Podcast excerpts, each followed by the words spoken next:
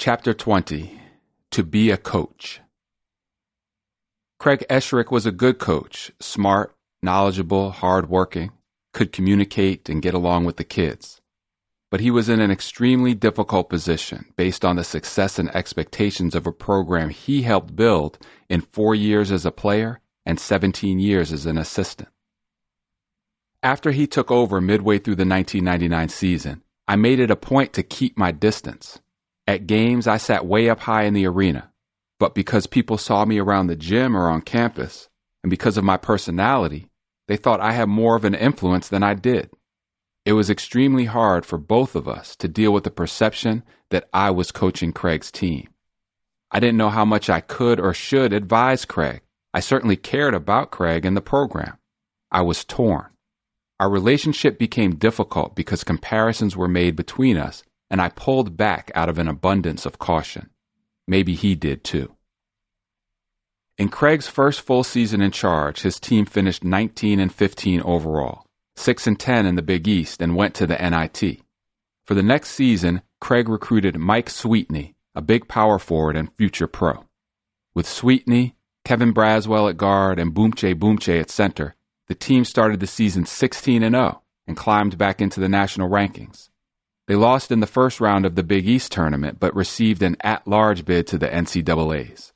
In the first round, they nipped Arkansas on a buzzer beater, then beat Hampton to make the Sweet 16, where they lost to Maryland and finished with a record of 25 and 8. All things considered, a very good season. That was as good as it got. Craig's team did not make the NCAAs in 2002, and he declined an invitation to the NIT. Craig said the players would have had to miss too much class time with the distance the NIT wanted them to travel.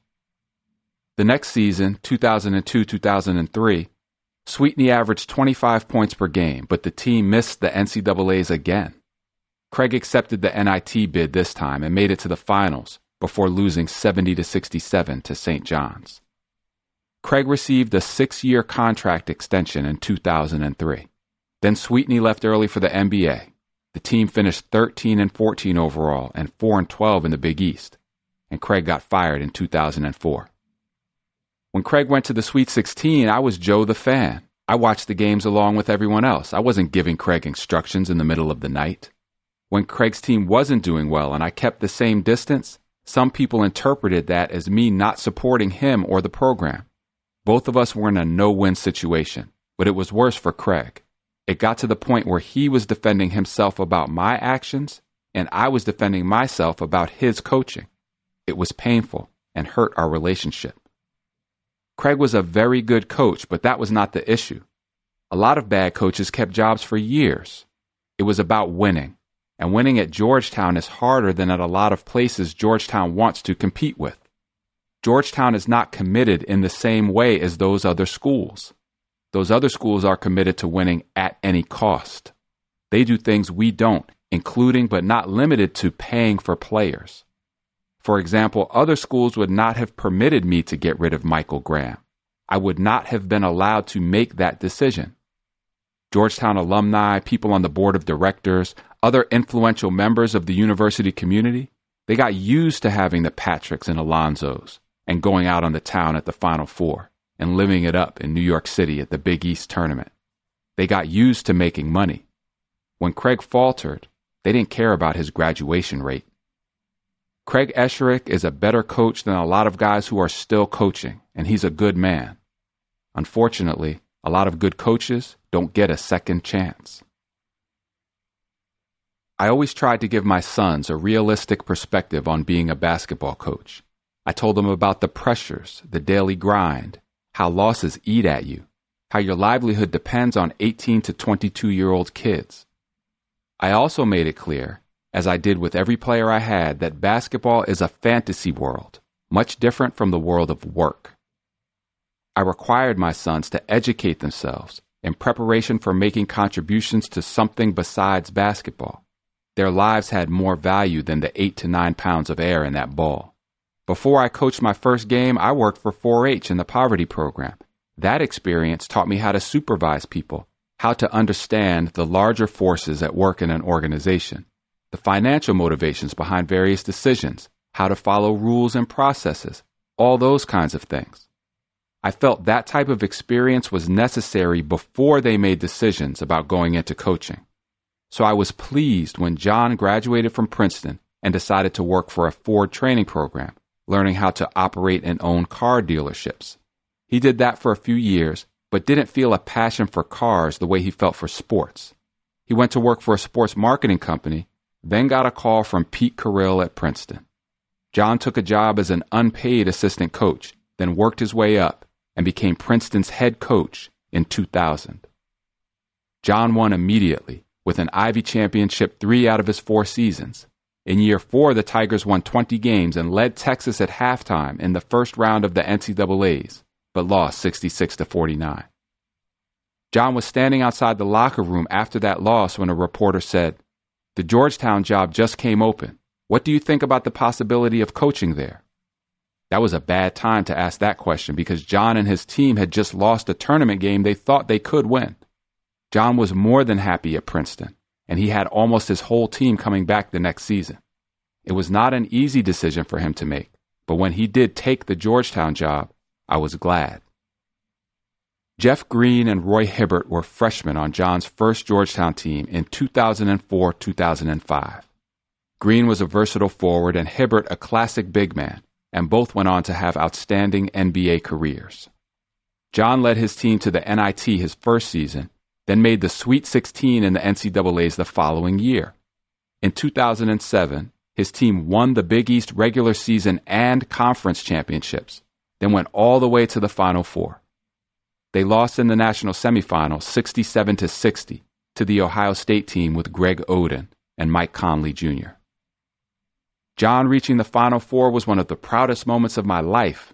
He and I were the only father and son ever to coach in the Final Four until Virginia coach Tony Bennett, the son of Dick Bennett, went in 2019.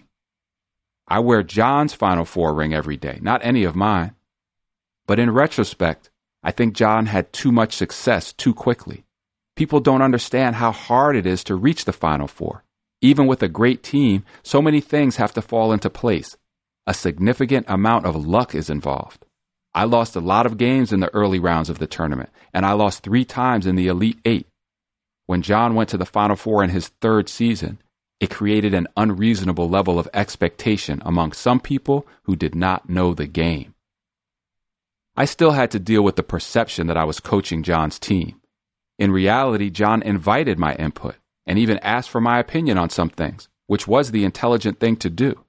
A smart person uses all the resources at his or her disposal. And then John did whatever he felt was best, which a lot of times was not what I suggested. He was secure enough to make his own decisions. I taught him to be his own man. That didn't make it easy, though, for either of us. It was difficult for me to see him not take my advice. I have strong opinions about basketball, and on some level, I did want to coach his team. I sat there chomping at the bit, but I also knew he had to make his own way. The whole thing was painful, as it was with Craig, but even more so because John is my son. Some people criticized John for bringing what they thought was the Princeton offense to Georgetown. At times, I agreed with them.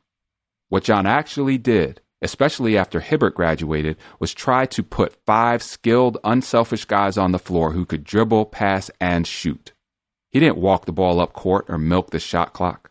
Since John played and coached at Princeton, his system was perceived as an old fashioned offense for non athletic players, but it actually was similar to how the Golden State Warriors play now. John adapted what he learned from Pete Carril to create a system for more talented and athletic players. Even if I wasn't always on board with it, that was one of the areas in which John made his own decisions. He turned out to be ahead of his time, but back then, the phrase Princeton offense was a stigma he could not escape. Another issue is that some people didn't think black kids could run a read and react offense. They thought all we were capable of was running a set pattern instead of making decisions according to the options in real time. That was one factor in the criticism John received. In 2008, the year after his run to the Final Four, John's team was upset in the second round of the NCAAs by Davidson and Stephen Curry, before anybody realized how great Curry was. John got no further than the second round for the next seven years. In each of those seasons, things happened with players, injuries, illnesses, or academic problems, and John kept it all secret. Some students and alumni started getting impatient, and a lot of the media piled on. Locally, some talented high school kids left the area to attend other colleges. This connects back to Georgetown being different. We didn't cheat. We didn't pay for players, but our success or failure was judged against those who did. Compared with when I coached, there was much more money flowing through basketball. NBA salaries were much higher. The college TV contracts were into the hundreds of millions of dollars. All the shoe companies were pouring money into AAU summer basketball. There was more incentive and opportunity for kids to be paid, and the amounts they received under the table were greater. John was recruiting one kid who was a future NBA player. His AAU coach asked for money, so John stopped recruiting him. A while later, the mother called John to ask why Georgetown had stopped recruiting her son. John didn't tell on the AAU coach. Then the mother asked him point blank, Did he ask you for money? She said her family wasn't about that, and they had moved on from the AAU coach. The kid ended up coming to Georgetown, but that type of outcome was rare. Most of the time, they took the money. John recruited another kid who chose an SEC school. Not long afterward, the coach was caught on tape talking about how much he paid the kid to get him to sign. After the tape came out, the SEC coach kept his job. Georgetown's facilities posed another disadvantage. McDonough was more than 50 years old. We shared it with the volleyball team and whoever else. Facilities have a tremendous effect on recruiting. Some colleges have nicer locker rooms than the pros. Georgetown finally accepted the fact that we needed a new athletic complex. In the fall of 2016, 12 seasons after John became head coach, Georgetown opened a $62 million facility with all the practice courts and bells and whistles that players love. They named it after me, the John R. Thompson Jr. Intercollegiate Athletic Center. My son barely got to use it. One of his best players was diagnosed with multiple sclerosis which John kept hidden at the request of the kid's parents. Several other key players had illnesses and injuries. In March 2017, less than a year after they unveiled my statue in the athletic center bearing our family name, John finished the season with a 14 and 18 record and was fired. This was a new kind of hurt for me. I thought it was tremendously unfair. President Jack DeGioia did not want to fire John, but he works for the board of directors and some of the board members stuck their nose into something they didn't know a damn thing about. I understand that I set a high bar for success at Georgetown, and I don't blame the school for wanting that standard to be met. John had two bad years for reasons that the board chose to ignore and that had nothing to do with his coaching ability. He made mistakes like all coaches do, including me. But in 17 years as a head coach, John won six conference championships, including three Big East championships when it was really the Big East. John chalked up victories over the best coaches in the game, including Jim Calhoun, Roy Williams, Jim Boeheim, Jay Wright, Tom Izzo, John Calipari, and Mike Krzyzewski. If it sounds like I'm being biased and pissed off, you're damn right I am, but you can't argue with the truth. John went to the NCAA's 8 of 13 years and took us to the Final Four. Hell, I never made it back to the Final Four after Patrick left. Not with Alonzo, not with Dikembe, not with the legendary Allen Iverson. That shows how hard it is to get there. There is more to a coach's win loss record than wins and losses. Is Georgetown first and foremost an educational institution where we care about what goes on with these kids outside the gym? Are we truly concerned when their bodies hurt or when they struggle in the classroom or have problems in their personal lives? Or is Georgetown more like professional sports where winning is the only thing that matters? Part of what hurt so badly is that I built the program to educate the kids at all costs, not to win at all costs. After he got fired, John said to me, Dad, I thought Georgetown was different. There were a lot of things I could not say at that time because it could have affected John's future opportunities. Black people are often the last to get jobs because people think they can't fire them without getting attacked. But I can say this now in John's final 10 seasons, he had the 28th best record in college basketball. Of the 27 coaches with better winning percentages, 13 had been placed on probation for violating NCAA rules. A lot of schools that don't cheat actually encourage cheating because they fire coaches who don't beat the cheaters.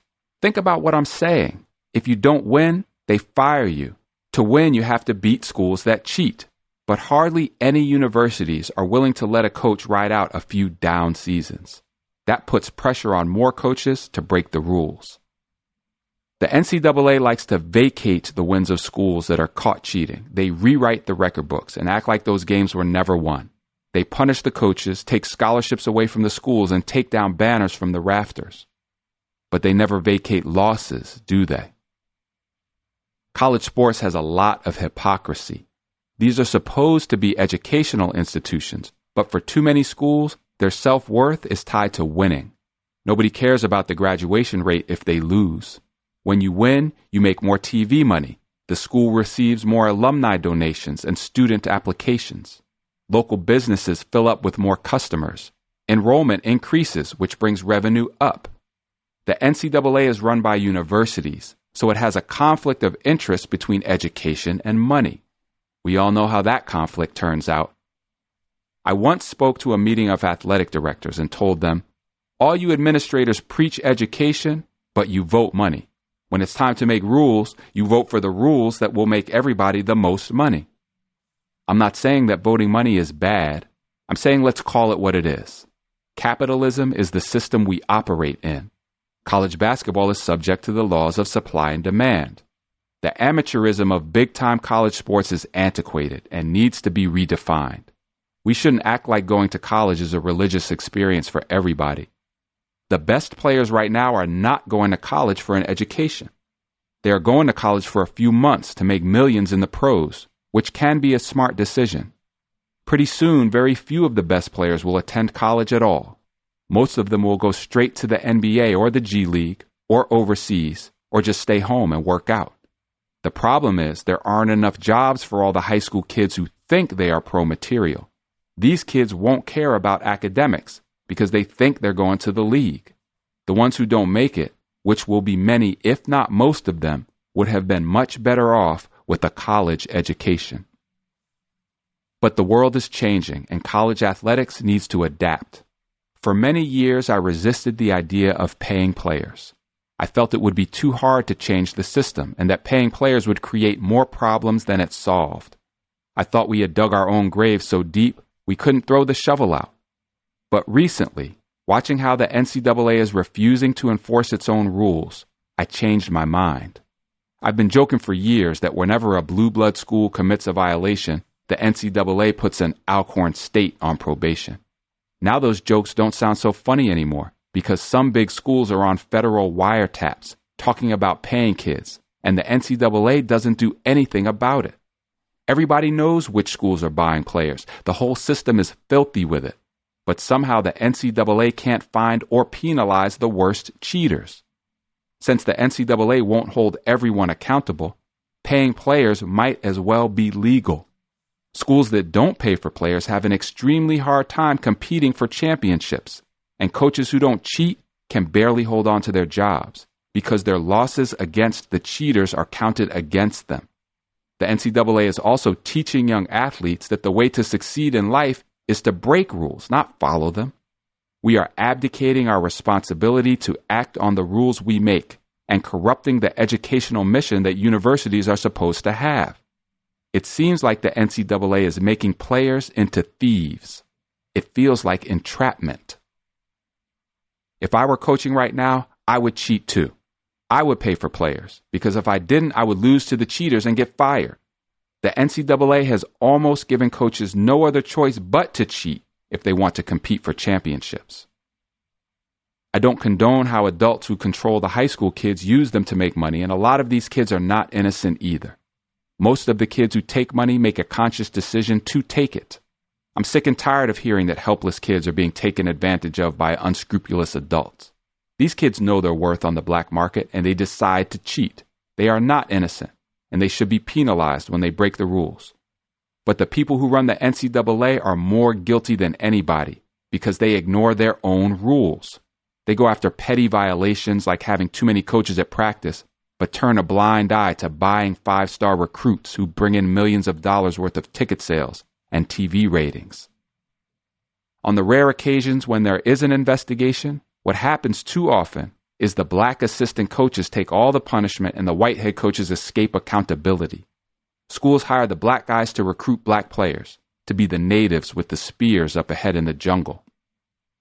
The black assistants say they have a hard time getting promoted to be head coaches, but when a violation occurs, they're treated like they're in charge. And don't even get me started about the NCAA putting historically black colleges on probation for low graduation rates, while Power 5 schools are on tape paying for players but receive no punishment. Coming to the conclusion that players should be paid was not an easy step for me to take. I've always been bothered when some people say college athletes make money for schools but get nothing in return. A free education is not nothing. Ask someone with student loans about that. Ask someone stuck in a low wage job if a college degree is nothing.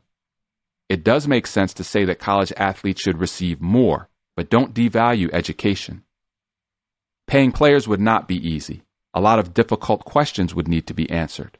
For example, when Allen Iverson was at Georgetown, he would have believed that he should be paid more than everybody else, and he would have been right. How do you set up a fair compensation system? How would we ensure that female athletes are treated equitably under Title IX? How would it change our responsibility to educate players? What about the majority of schools whose football and basketball teams do not make money? If we are basically hiring kids to play college sports, does that mean we can fire them too? I haven't heard anyone satisfactorily explain how all this could work, but that doesn't mean it's impossible or worse than the alternative.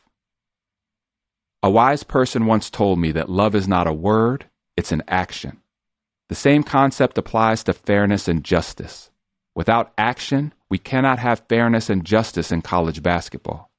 Since the NCAA is clearly hurting kids and coaches by refusing to act on its own rules, let's end the charade and allow college athletes to be paid. After John was fired, I told Patrick he should apply for the job. Patrick had been an assistant coach in the NBA for 13 years without getting close to a head coaching position. I considered this an example of the bias against big men in coaching and how big people are stereotyped as not smart. How many former centers have you seen coaching at the top levels of the game?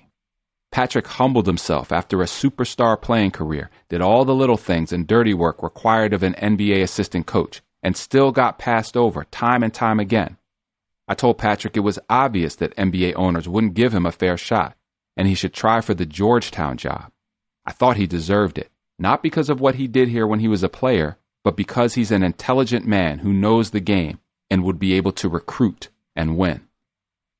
Of course, I advocated for Patrick, but I couldn't make Georgetown give him the job. I never had as much influence or power as people thought, and I sure don't have it now.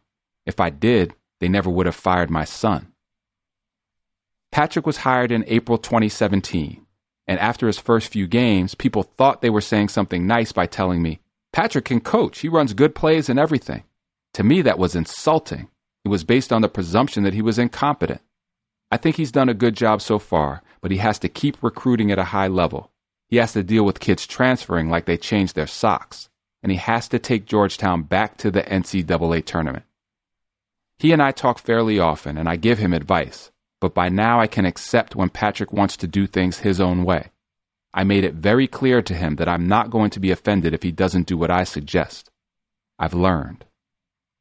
Despite what happened to John, I still love Georgetown for allowing me to be me and for taking a chance on a lot of players who were not superstars but still deserved an opportunity to be educated.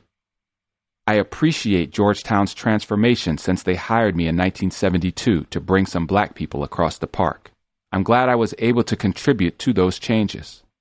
But some things still haven't changed. Black coaches still aren't fairly represented in college basketball we actually have less influence than when John Chaney, Nolan Richardson, George Raveling, and I were on the bench. Only four black coaches have won a national championship. Me, Nolan in 1994, Tubby Smith at Kentucky in 1998, and Kevin Ollie at Connecticut in 2014.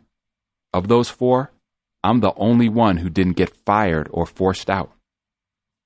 When I talk these days with Chaney, Nolan, and George, We call ourselves the Final Four, and it doesn't have anything to do with the NCAA tournament. It refers to the environment for today's black coaches. Their challenges are an updated version of the obstacles that I faced. Almost 50 years after I came to Georgetown, after black coaches won four national championships, after Georgetown erected my statue in a building that carries my family name, most black coaches still do not have the freedom to not be successful. Chapter 21 Do Not Forget. I'm more satisfied by things I did other than winning basketball games, probably because I never intended to be a basketball coach. I'm fulfilled by the fact that I learned how to read after the nun said I was retarded. Experiencing that kind of hurt and disappointment at a young age prepared me for the road ahead. It prepared me to lose a championship game before I won one. Then I lost another championship game, and then I lost in the Olympics.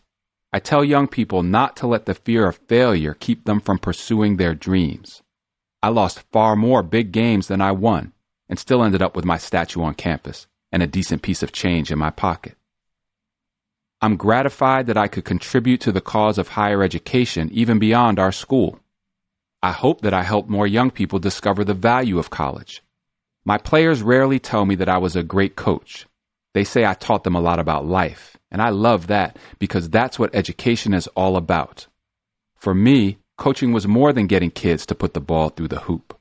Coaching was when Alonzo got mixed up with Rayful, when Victor Page broke curfew, when Derek Jackson tried to play with a bleeding ulcer, when Allen's mother was in tears in my office. Coaching was about building relationships with players most people never heard of. We did win a lot of games, which encouraged white people to bring more of us into their schools, including black kids who are not athletes. We are far less of a rarity on campuses today than in 1972. Opening that door was one reason I had to win. Nobody pays attention if you lose. Georgetown's endowment is now $1.6 billion. The ranking of the school and the grade point averages and standardized test scores of incoming students are far higher now than when the basketball team went 3 and 23. Basketball gave Georgetown a national reputation. And still, for a long time, black people here were made to believe that we were guests. I felt that way long after I won the national championship. I also am proud of the fact that I won championships in junior high school, high school, at Providence, with the Boston Celtics, with the United States Olympic team, and at Georgetown. I don't know how many players from my hometown of Washington, if any, have won at all those levels. But as good as it felt to add that final championship in the 1984 NCAA tournament, it felt better to kick down the door that had kept us from being recognized for using our intelligence. I didn't want to prove something to white people which is why I rejected the implication that I was the first black coach with the ability to win a championship. Barack Obama wasn't the first black man with the ability to be president. I wanted to communicate to black people that we can think our way to greatness. I wanted to kick down the door in our minds. I knew I carried a different burden than other coaches, and I felt the weight of that responsibility. The payoff comes in my retirement when young people walk up to me and say, Thank you. The next generation is who I did it for. I'm not ashamed to say I did it for the money, too. My sense of responsibility to speak out and resist is why people said, John Thompson is hard to get along with. He walks around with a cloud over his head. He makes everything racial. Everything was racial due to what I had seen and experienced. Don't make me sit in the back of the church. Don't subject me and my team to the abuse we experienced and then wonder why I see the world through the lens of heredity, environment, and time. Some people expect too much of you. They expect you to forgive and to forget. How you react to not forgetting is a separate issue. I think not forgetting makes you strong. It bestows certain accolades on those who experienced what you remember. To hell with winning games or dunking backwards or making three point shots. The real heroes are the ones who lived in bondage, or scrubbed toilets when they couldn't teach school, or went to work instead of learning how to read. When Georgetown spent $62 million on a new athletic center, I said, That's my father's name on this building. The real heroes are the ones who took a lot of shit so I could talk a lot of shit. I'll say it one last time. Despite its flaws, I will always love Georgetown because once they discovered who and what I was, they allowed me to be me.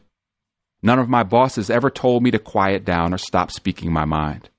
There also were plenty of people associated with the school, alumni, professors, students, staff, who strongly opposed what I did and said. A lot of people who had never won anything in their lives were extremely judgmental. It wasn't a smooth trip where everybody at Georgetown was glad they'd hired a black man. The antagonism was communicated to me, verbally and nonverbally. But that's the black man's burden. It could be hurtful or disappointing, but I took most of it as a challenge. Those were still the best times of my life. The fight gave me strength to keep going. I have no complaints because a whole lot of people paid a far higher price than I did. Pebbles, John McLendon, Levern Tart, my parents, the list goes on. Compare with them, I had it made, flying in nice planes and eating good meals. I had so many great times. Today I have a tiny windowless office in the athletic center, far away from the basketball floor because I don't want to get in their way. Pictures of my heroes hang on the walls.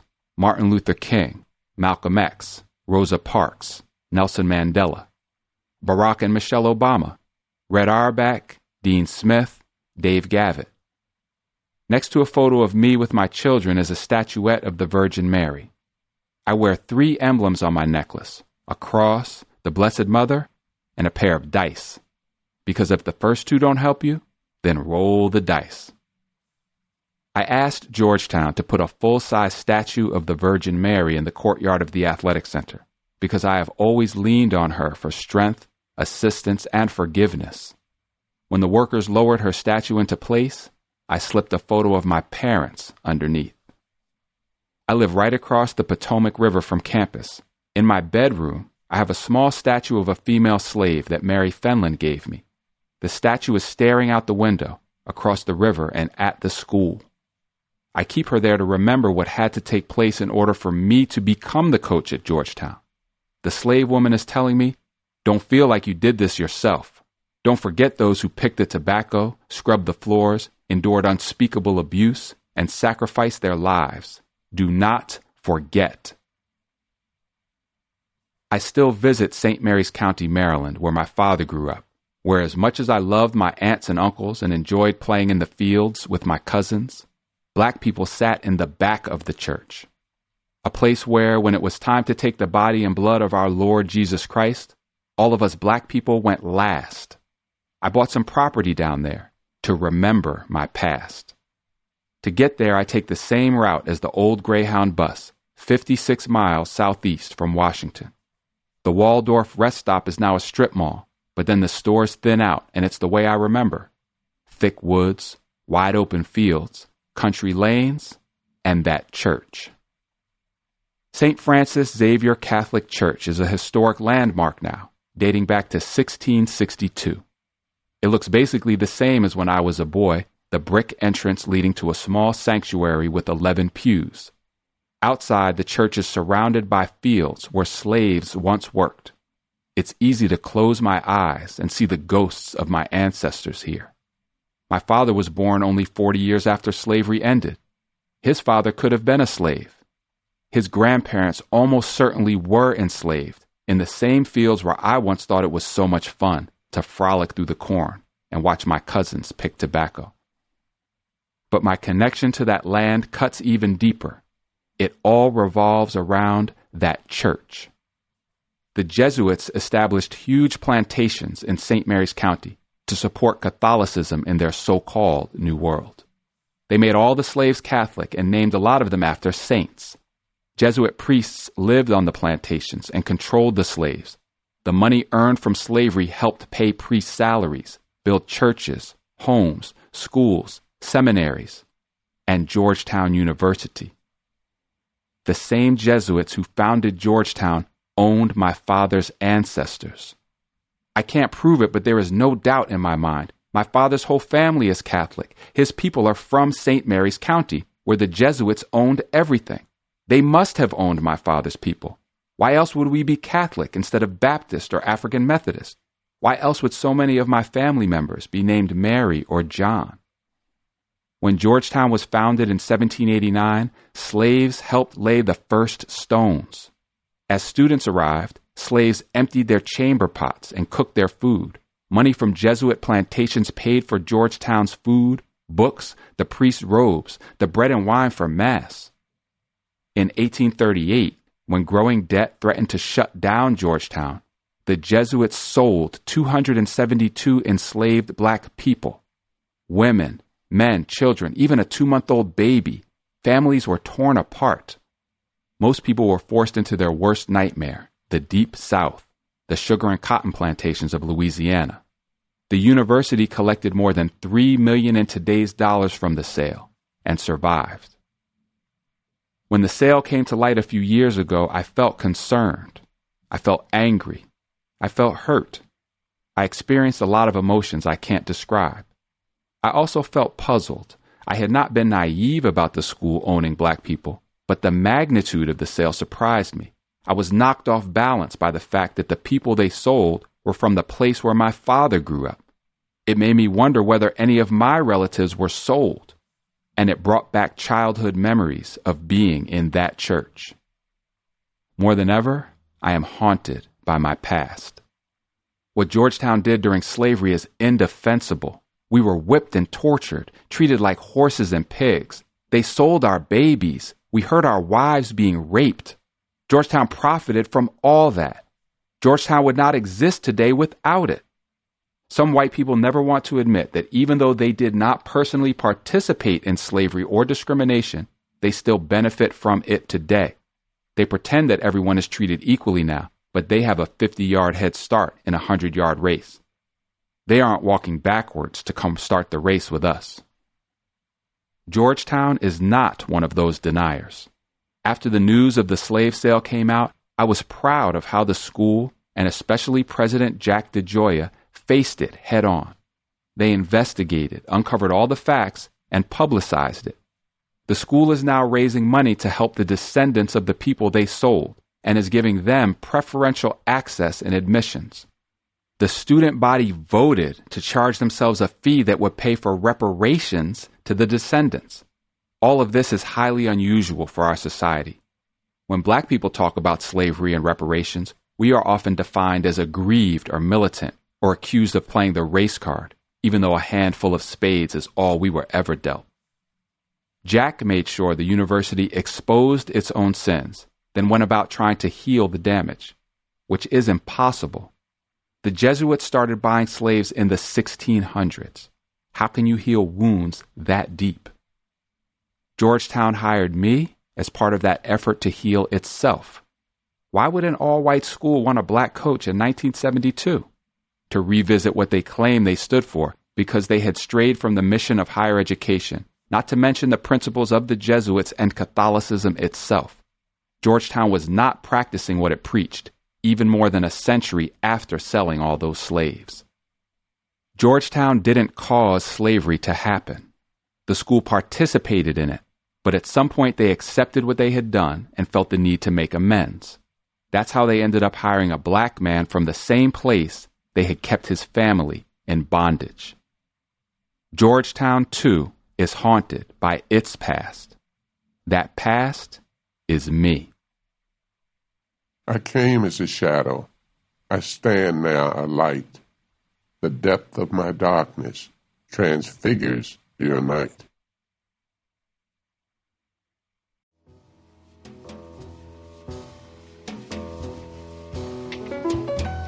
We hope you've enjoyed this production of I Came as a Shadow, a Macmillan audio production for Henry Holt and Company.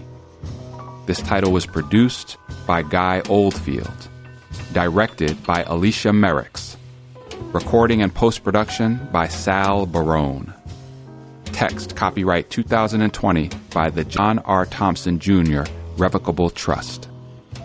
Production copyright 2020 by Macmillan Audio. All rights reserved.